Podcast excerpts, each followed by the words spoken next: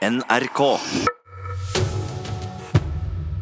Dødehus fra vikingtiden, altså førkristne gravplasser, det er ganske sjeldent eh, å finne her i Norge. Men nå har arkeologer funnet ett på Vinjeøra i Trøndelag. Ifølge dem et svært interessant eh, funn. Arkeolog og prosjektleder ved NTNU Vitenskapsmuseet, Raymond Sauvage, skal du høre her. Arkeologene har lenge jobba på et stort område ved E39 på Vinjeøra. Det som skal bli ny vei, viser seg å ha vært et gravsted med mange spor fra vikingtida. Spor som kan gi ny innsikt, ikke minst når det dreier seg om et dødehus, et sjeldent funn. Det var ganske spesielt, fordi vi har nesten ikke sett noe sånt før i Trøndelag.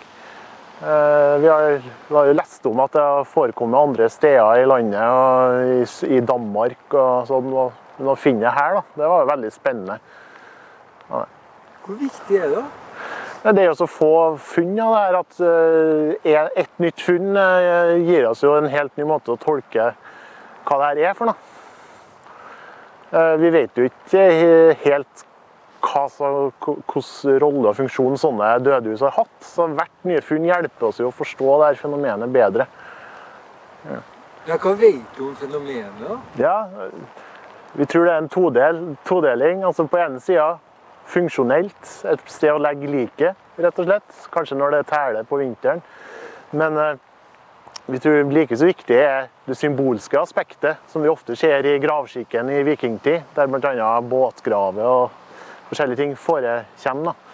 Så det å få et hus i grava eh, tror vi kan være en veldig viktig symbolsk handling. Sier Raymond Sovars, arkeolog og prosjektleder ved NTNU Vitenskapsmuseet. Dette er et gravfelt ved en vikinggård, og kanskje snakker vi om et sted med stor betydning i mange generasjoner for dem som holdt til her. Det er overpløyd, så i dag kan ikke se noen ting. Men eh, det har vært gravhauger her. Minst sju store gravhauger har det ligget på det området her. Som er sletta gjennom mange års jordbruk. Det er overraskende at det var såpass mange bevarte graver under matjorda her, da, når vi tok av den. Det, det er umulig å vite før vi begynner hvor mange det er. Så hvordan finner dere fram til sånne ting og skjønner at det er et dødshus? da? Det lurer jeg på. Vi jobber ut ifra den konteksten ting blir funnet i. Så vi finner en bygning i midten av en gravhaug, og at den har stått inni en gravhaug, så ser jeg at dette er noe som skiller seg veldig ut fra hvordan en bygning vanligvis ville ha ligget. Altså, ser vi på andre utgravninger som er gjort, da, så ser vi at det er funnet bygninger rundt graver rundt omkring i landet fra vikingtid. Da begynner du å ane mønster. da. Så ser du at Da tolker vi at det her er et dødehus. Reporter her var Lars Erik Skjærseth.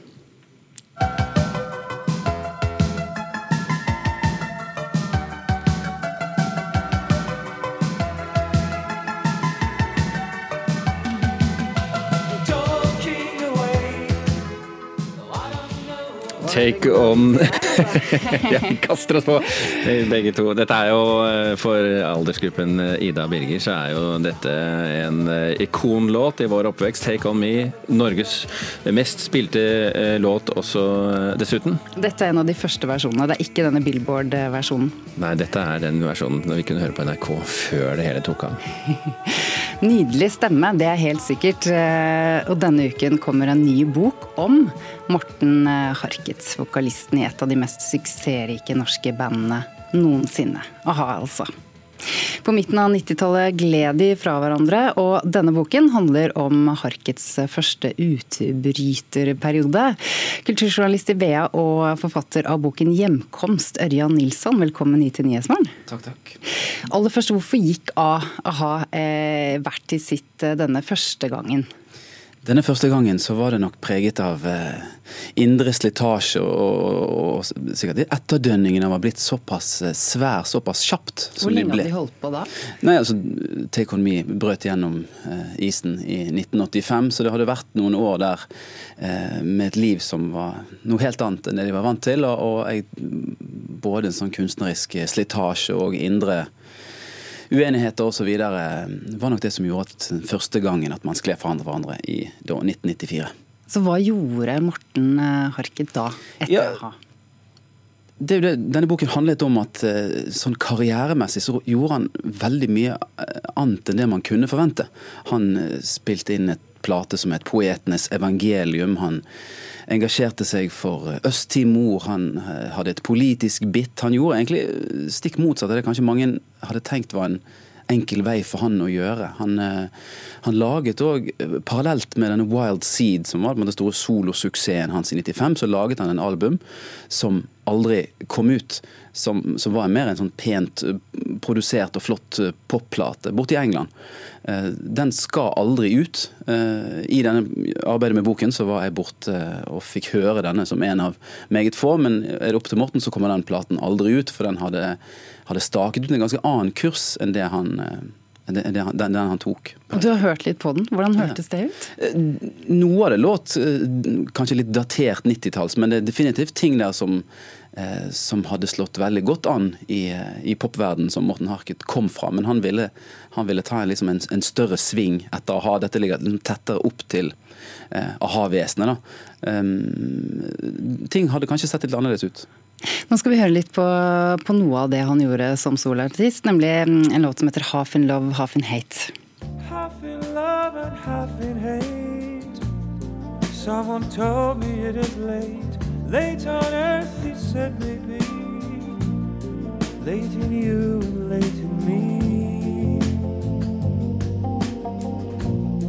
Darker than it has to be. Birger, hva følger du nå? Nei, dette er et uh dette minner om en veldig sterk kjærlighetssorg som jeg gikk og bar på. det, er, for så vidt greie minner. Det er en fin plate. Morten Harket har en guddommelig stemme. Hvorfor har han ikke gjort en større karriere som soloartist? Jeg har vel en eh, Ettersom jeg har gjort en bok tidligere med Pål Vokter Savoy, og jeg har vel en slags eh, oppfatning at a-ha på en måte har litt eh, forkjørsrett hver gang a-ha på en måte dukker opp igjen. Men, men dette er en interessant periode fordi at det var liksom Morten Harkets første gang han gjorde noe annet på utsiden. Han gjorde så mye Det er utrolig at døgnet hadde nok timer, for han gjorde veldig, veldig mye i disse årene. Men du, Hva er det med han? Eh, dette er en bok hvor man får litt sånn innblikk i, i hvordan han tenker, hvordan han ser ut. Han er spesiell?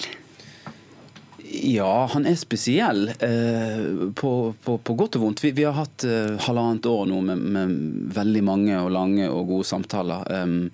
Jeg oppfatter han nesten som sånn, nesten ubehjelpelig skarp. For han er veldig skarp. Han bruker kanskje noen minutter lenger på et svar enn det meg og deg gjør. Men Eh, han, det kommer alltid noe veldig veldig godt i in the end.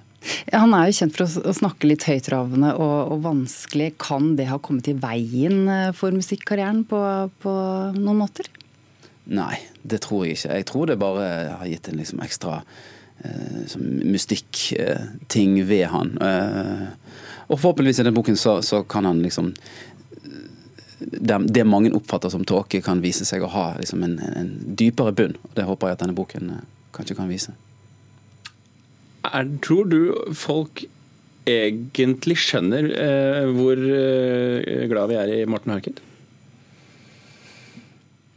Nei. Men, men eh, jeg tror ikke folk skjønner hvor viktig del han har vært liksom, av vår Spilte Take On Me innledningsvis her. Jeg tror absolutt alle nordmenn har, på alle plan, de som vokste opp i dag I dag har Take On Me tatt en stor plass i store Hollywood-filmer, f.eks. Han, han, den slutter på en måte aldri å, å rulle den ballen, eh, virker det som. Og den er på en måte ute av å ha sine hender for veldig mange år siden. Så, så, så, vi er nok, det er nok en del av liksom, den kulturelle ryggmagen vår som, som hele tiden er der. Morten Harked eh, fylte 60 år for halvannen uke siden, eh, og vi har vel ikke sett og hørt eh, det siste av ham? Definitivt ikke. Takk for at du kom hit til Nyhetsmorgen, forfatter av den nye boka 'Hjemkomst', Ørjan Nilsson. Vi skal holde oss i kulturen, men bytte tematikk. Fordi eh, dette handler også om en, en, ny bok i og for seg, men eh, i motsetning til Morten Harket, et helt ukjent navn. Kulturreporter eh, Maiken Svendsen, hva er det som skaper overskrifter nå? Nei, Det som skaper overskrifter nå, det er eh, Stanford-overgrepet, som eh, ble kjent over hele verden i 2016, skriver Dagbladet. Eh, Brock Turner ble da dømt til seks måneders fengsel og sonet tre måneder for et seksuelt overgrep. Og offeret, som da var kjent som Emily Doe eh, Altså som Kari Normann-type ja, navn? var et, hun var anonymisert i sitt vitnesmål, men vitnesmålet det ble gjengitt i mediene. Og Emily Doe hun heter egentlig Chanel Miller og står nå frem i en ny bok. Og da må spørsmålet bli hvorfor gjør hun det? Eh, hun sier i et intervju med New York Times at hun tidligere ønsket at dette overgrepet ikke skulle være en del av livet hennes, men nå så er målet hennes å akseptere at det alltid vil være en del av livet hennes, og at hun må finne ut av hvordan hun skal leve med det. Eh, inntil nå har også anonymiteten vært viktig for henne, forteller hun. Så hvorfor endret det seg? Eh, hun peker på metoo-bevegelsen som viktig for at hun turte å stå frem. Boken 'Know My Name' har hun også skrevet under eget navn, og den handler om både overgrepet og hvordan det har påvirket livet hennes siden. Miller forteller at hun fortsatt opplever traumer etter overgrepet, men hvor lang tid det tar før hun kommer tilbake til seg selv etter å ha blitt overrumplet av disse traumene, det har forandret seg. Mm, ok, Markin Svendsen, takk for orienteringen. Vi eh, skifter eh, tematikk. Venezia-biennalen beskrives eh, ofte, og ikke uten grunn, som eh, verdens viktigste kunstutstilling. Vi har kommet til den 58. i rekken. Mona Palle Bjerke, kunstkritiker her i NRK, god morgen. God morgen. Hva er årets tema? May you live in interesting times. Eh, måtte du leve i interessante tider, er årets underfundige tittel. Og dette er jo et uttrykk som man har referert til og påstått at har vært en, kinesisk, en gammel kinesisk forbannelse. Men så viser det seg at det er ikke belegg for å si at det har vært det. Det er rett og slett en vestlig fabrikasjon av på en måte en slags for, konstruert forestilling om Østens folk. Og Det syns jeg var et veldig interessant utgangspunkt og en lovende tittel. Og det er, som eh, mange andre år også selvfølgelig, en stor opplevelse å tre inn i det eldgamle verftet Arsenalet. Og Noe av det første som møter oss der, er eh, Christian Marclays mektige filmkollasj, der han da har klippet sammen voldsfilmer til et gigantisk flimrende maleri, kan man si i gåseøyne, bestående da rektangler inni hverandre, eh, hvor du da kan, hvis du står og følger med veldig se eh, enkelte liksom plukke ut noen filmer som du gjenkjenner. Et annet verk som fascinerte meg sterkt der på Arsenalet, det var Martin Gutierrez, eh, en slående fotoserie der hun selv poserer med utstillingsdukker, veldig livaktige utstillingsdukker. Et stort fargefotografi der henger hun naken, solbrun og vakker med utslått hår, med bena slynget rundt en mann som er like vakker og liksom perfekt og muskuløs. og Bare forskjellen er at han er en utstillingsdukke. Og Her tenker jeg at hun tar fatt i dette med kroppshysteriet og viser hvordan den levende, naturlige kroppen taper terreng da, med disse plastkroppene. Mm. Dette er jo ikke en utstilling som sådan. Eh, det er mange utstillinger, det er mange, mye forskjellig eh, mm. fra eh, hele verden. Og sikkert ikke veldig lett, med mindre du har veldig god tid, å, å få med deg alt. Så man må gjøre et utvalg. Og hva gjorde du? Hvilke paviljonger gikk du til? Ja, altså Det som gjelder når man lager utstillinger for Venezia finalen, altså de nasjonale paviljongene, det er jo å klare å gripe betrakteren i forbifarten, så å si. fordi at du jo, har jo ofte heteslag, du er sliten, du har sett utrolig mye. Eh, for å nevne den nordiske paviljongen, for det må vi jo nesten, så heter den Weather Report Forecasting the Future, og er opptatt av klimaendringer og vår usikre fremtid, men også menneskevekst og plantevekst. og Det er utrolig spennende tematikker her. Ane Graff, vår egen Ane Graff, hun har skapt fantastisk spennende skulpturer Eh, hvor man er litt usikker på om det er plante eller kropp man ser i disse, hva slags vekst er det vi ser. Eh, men her kunne nok eh, tematikken vært kommunisert tydeligere og mer direkte, sånn når man tenker på hva slags publikum man har med å gjøre, som raser av sted fra utstilling til utstilling. Og der er jo Tyskland landet som klarer dette år etter år. Det der å virkelig skape et sånt kjempeklart og tydelig uttrykk som man nesten får med seg i forbifarten. Du må jo gå inn. Og de har jo da denne paviljongen som var ombygget i 1938 i eh, fascistisk, nyklassisistisk stil. Og dette bruker de veldig ofte aktivt, istedenfor å gjøre det til en hemsko. Eh, I å tematisere sin egen traumatiske historie. Og i år så har de da fylt hele det indre rommet med sement. Eh, så det er nesten ikke noe gulvplass igjen, og nesten ikke noe rom i det hele tatt igjen. Eh, som et fjell av sement som skaper en veldig klaustrofobisk romopplevelse, og som man opplever at dekker, fortrenger noe. Og så er det et hull i denne sementfjellet hvor det renner en sånn brun væske ut. Så dette er jo så klart og tydelig formsterkt og talende. Mm. Skal vi snakke litt om Barca Nostra? Ja, Det er jo et verk da av eh, Christophe Burchell som skapt veldig veldig store reaksjoner. Folk har vært sinte, rett og slett. Dette er et stort, rustent skrog. Restene av et skip eh, som havarerte i Middelhavet. Det er mange hundre afrikanere mm, og immigranter omkom. Og flere har jo hevdet at dette er ikke, det er ikke greit å skape et kunstverk ut av en sånn tragedie. Jeg er ikke enig i det. Jeg mener at eh, det er så viktig at man får øynene opp for hva som skjer i Middelhavet, hvor fortvilede mennesker er som reiser, som flykter for å få et bedre liv. Eh, med tanke på f.eks. den Facebook-posten i solnedgang som Sylvi Listhaug hadde her forleden.